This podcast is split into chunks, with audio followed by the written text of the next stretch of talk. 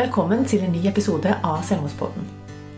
De siste fire dagene så har jeg hatt et veldig spennende møte med Nina Danielsen i Elpis, som skal få lov til å eh, introdusere seg sjøl om et lite øyeblikk. Men vi har vært her i Oslo og jobba med workshops og en veldig spennende konferanse som vi har lyst til å fortelle litt av våre opplevelser av.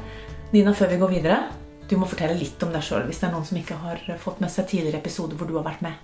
Ja. Eh, det er Nina Danielsen, ja. Jeg er grunnlegger og daglig leder i stiftelsen Elpis selvmordsforebygging. Jeg er etterlatt ved selvmord og opprettet en stiftelse fordi jeg eh, mente at eh, vi må rette mer fokus på de som ikke er i kontakt med helsevesenet for sin suicidalitet.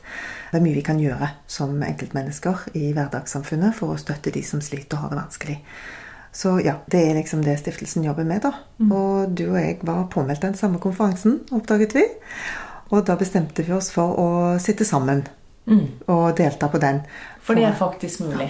Med riktig avstand og med riktig forbehold så gikk det kjempefint. Ja. Og det er klart det er veldig for oss to, som begge to har opplevd å miste et barn i selvmord, som har gjort at vi ønsker å engasjere oss i dette arbeidet, som de fleste ikke orker å ta i. Og det skjønner vi jo.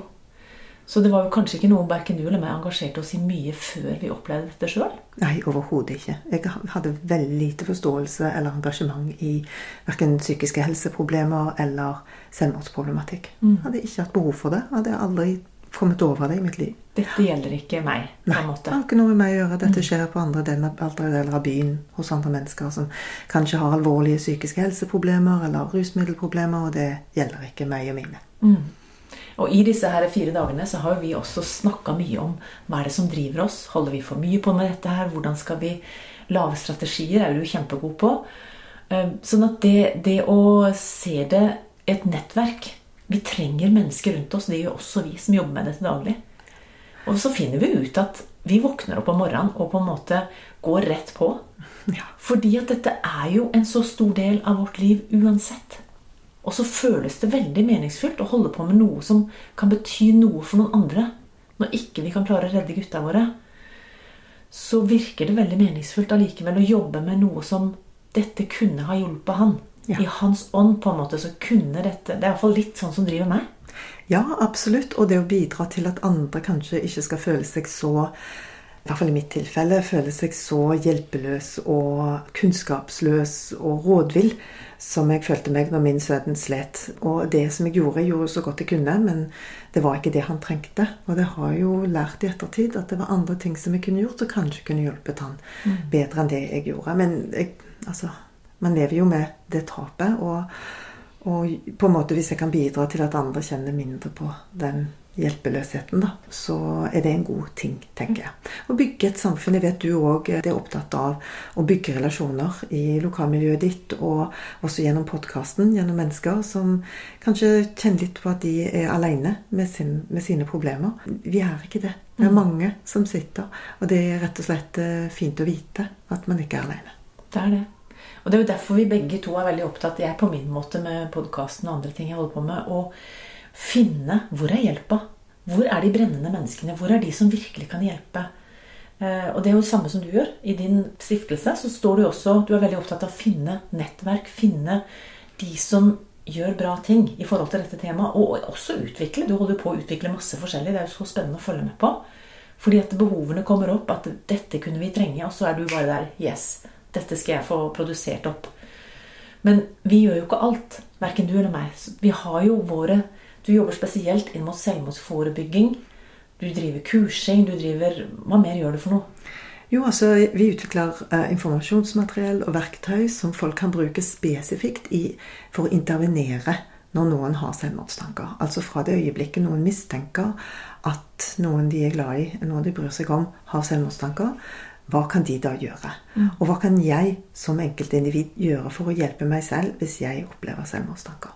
Fordi det er et veldig vanskelig tema, og vi er de aller fleste av oss er ikke rusta for å ta de samtalene, verken på vegne av oss selv eller sammen med andre. Mm. Og, og, der trenger vi kompetanse, og det er mulig å tilegne seg, den kompetansen. Man behøver ikke være helsefagarbeider eller psykolog for å kunne hjelpe noen. Og den, den misforståelsen der, den, den, må bort. Det er klart at veldig mange har nytte av å få treffe en psykolog eller en psykiater. Noen har dype psykiatriske problemer som de trenger hjelp med. Men de aller fleste som har selvmordstanker, har ikke nødvendigvis det. Eller opplever ikke at de får den hjelpen de trenger, eller at de trenger den type hjelp.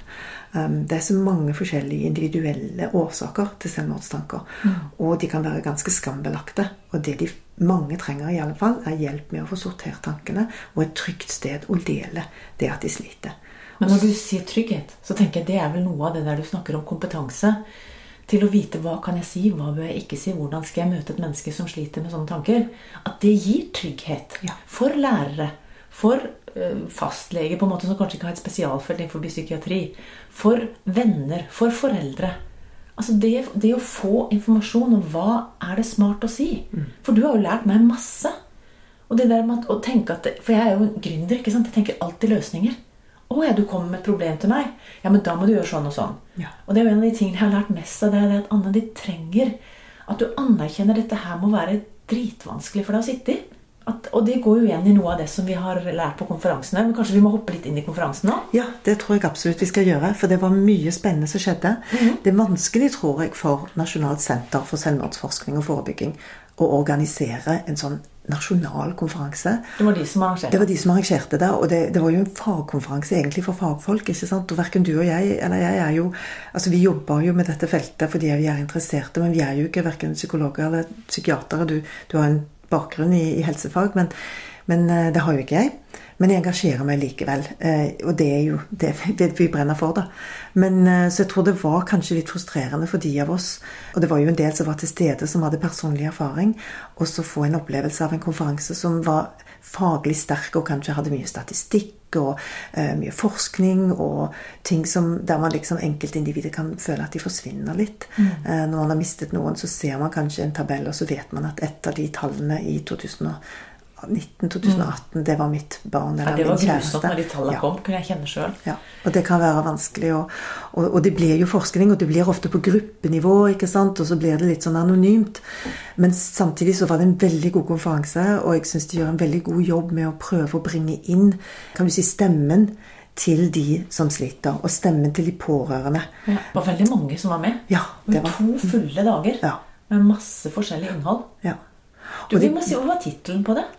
Altså, Hva het det bare liksom 11. nasjonale konferanse om selvmordsforebygging og selvmordsforskning og forebygging, sto det jo. Ja.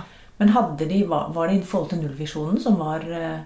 Ja, nullvisjonen sto jo veldig sentralt. Og jeg tror det handlet om um, handlingsplanen for selvmordsforebygging, som regjeringen jo lanserte i fjor mm. uh, på verdensdagen for selvmordsforebygging. Og hva skjer nå? Liksom, hva gjør vi for å iverksette denne planen, og hva må vi gjøre?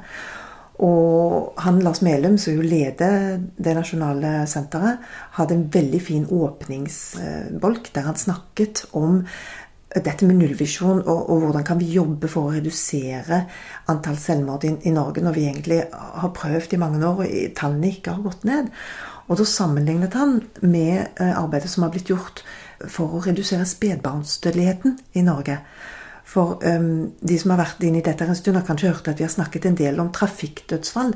Og at der, der tallene begynte å gå opp og opp og opp når bilene begynte å gå fortere. Og, og rundt 1970 så var det jo flere hundre hvert år i, i trafikken. Og så mm. satte man inn veldig sånn Eh, systematisk Det var Statens vegvesen som var ansvarlig for å redusere tallene, og det var mange informasjonskampanjer, og vi fikk setebelter, og vi fikk tryggere biler. Og bit for bit for bit for bit så fikk man redusert tallene, sånn at de nå er ganske lave. Mm. Og det har virkelig funket. Det er ikke tvil om at sånt eh, systematisk arbeid har funket. Og en nullvisjon for dødsfall i trafikken har funket. Mm. Og så er det spørsmålet hva, hvorfor skjer ikke det samme med, med selvmord? selvmord? Det var det jo litt om litt seinere i ja. konferansen. Så var det jo noe fra Statens vegvesen. Mm. Det Lars Melum påpekte, eh, var at han sammenlignet selvmordsproblematikk med spedbarnsdødelighet. Fordi begge disse to fenomenene fører jo til død og er tragedier.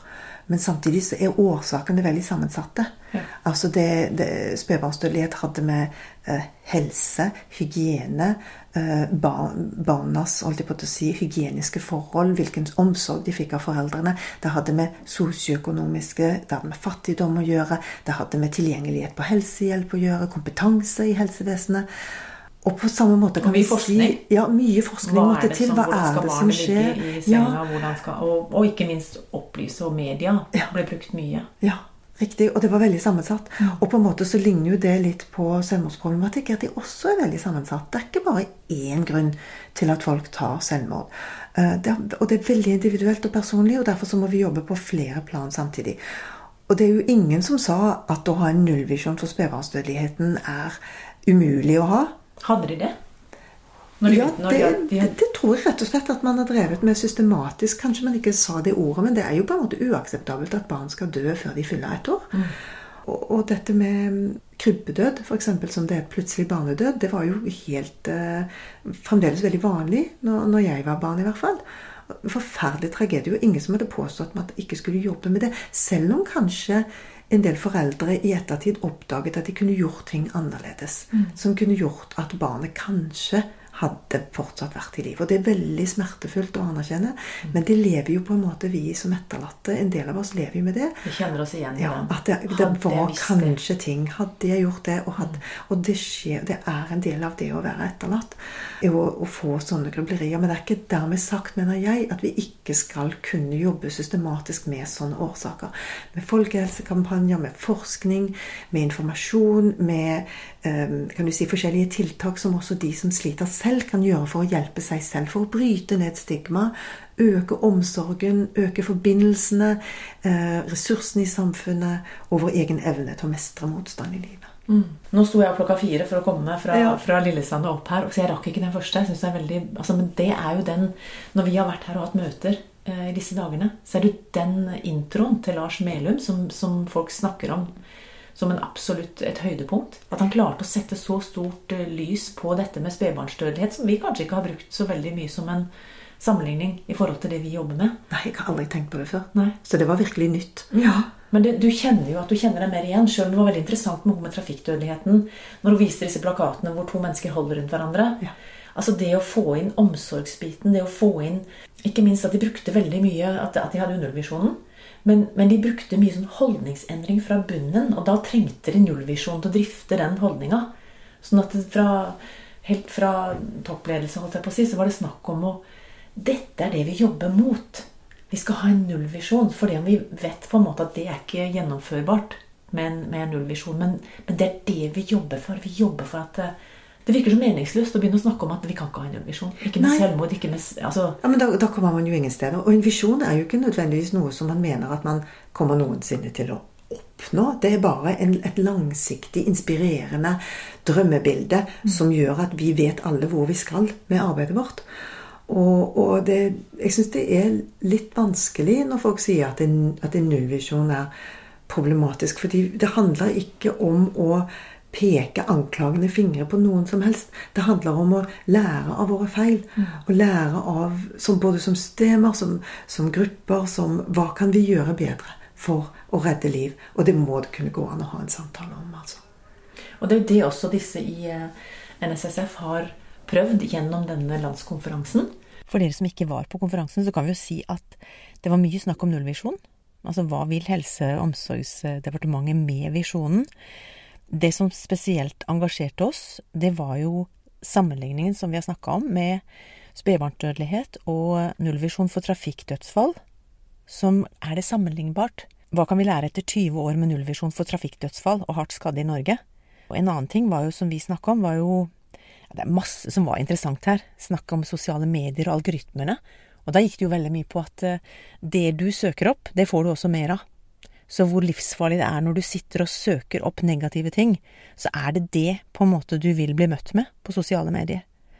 Og i motsatt fall, hvis du søker om hjelp, du søker om positive ting, så er det det du vil få. Nå er dette veldig enkelt gjort, da. De snakka litt om innvandrere, de snakka om rus, og så har vi det som vi kommer til å snakke om i neste episode, nemlig at menn er overrepresentert på selvmordsstatistikken og underrepresentert som pasienter. Hvorfor er det sånn? Det har vi også litt tanker om. Et foredrag var også med livsmestring og selvmordsforebygging på timeplanen i skolen, og dette er noe som både Nina og meg brenner veldig for. Det at det må inn i skolen, for hvor ellers skal man lære å mestre disse vanskelige tankene og følelsene? Så her var jo både Arne Holte og Veronica Pedersen, Susanne Thorsvik, og de hadde jo en panelsamtale, og Arne Holte var skikkelig morsom med sine tekstbobler, hvor han peker på at det som blir sagt av regjeringen i forhold til læreplanen, det blir ikke gjennomført. Prosjektet som heter JAM, det har vi jo i en annen episode, det er jo kjempeinteressant. Og det er veldig, veldig både billig og effektivt. De har masse gode erfaringer. Og hvis det er noe som vi er opptatt av, så er det jo at ja, men finn det som virker, da, og så bruker vi det. Så det håper jeg at det vil resultere i, at flere får øynene opp for dette som fins allerede, og som er bra. Kari Dyregrov er også et veldig kjent navn. Hun snakka om etterlatte ved selvmord. Hvordan gi umiddelbar og langvarig oppfølging. Og det er klart at dette er jo også et tema som opptar oss veldig mye. Det var veldig bra, det hun kom med. Vi kan ikke gå inn på alle disse tingene, men det vi kan si, er at uh, det er viktig å sette fokus på hvordan nullvisjonen skal konkret gjennomføres ut i landet vårt. Og da må man få vite hvem er det som gjør bra ting allerede? Hva er det som virker, og hva er det som ikke virker? Og det som går igjen, i hvert fall som vi har snakka om her, det er jo engasjementet som er med når du får inn brukerstemmen, du får inn mennesker som har erfaringskompetanse. Dette med brukerstemmen er veldig, veldig viktig. Det at mennesker som har stått i sånne vanskelige situasjoner, forteller hva var det som hjalp de, hvem var det som hjalp de. Det at mennesker som er innlagt, det er en stor prosent som tar livet sitt rett etter at de kommer ut. Hva med oppfølging der? Det er mange spørsmål vi sitter igjen med også etter en sånn konferanse. Og heldigvis så opplever jeg sjøl at jeg har gode mennesker i nettverket. Jeg møter stadig nye mennesker som jeg syns har veldig gode innspill, og som virkelig brenner for å hjelpe mennesker som sliter. Og vi, er, vi trenger mange. Vi trenger fagfolk, vi trenger forskning. Vi trenger alle innganger til denne problematikken som er så sammensatt. Men mest av alt så tror jeg vi trenger veldig mye varme og vi trenger gjennomføringskraft. Og vi trenger å endre kulturen inni oss, sånn som de snakka om i, trafikk, i, forhold til trafikkdødelighet. Så sa de at hele kulturen inne i organisasjonen ble endra når de gikk mot en nullvisjon. Så visjoner gjør noe med oss. Det setter en standard for hvor vi skal. Så vi håper at vi kan være med og gi et lite bidrag til dette. Tusen takk for at du hørte på oss i dag. Helt til slutt har jeg lyst til å fortelle hvor du kan få hjelp. Kirkens SOS er en døgnåpen krisetelefon. Det samme er Mental Helse. Leve, Landsforeningen for etterlatte ved selvmord. Legevakten 116 117. Kors på halsen, Røde Kors sitt tilbud. Det er en samtaletelefon for barn og unge under 18 år. Helt til slutt har jeg bare lyst til å takke deg for at du har vært med på denne episoden, og ønsker deg alt godt videre.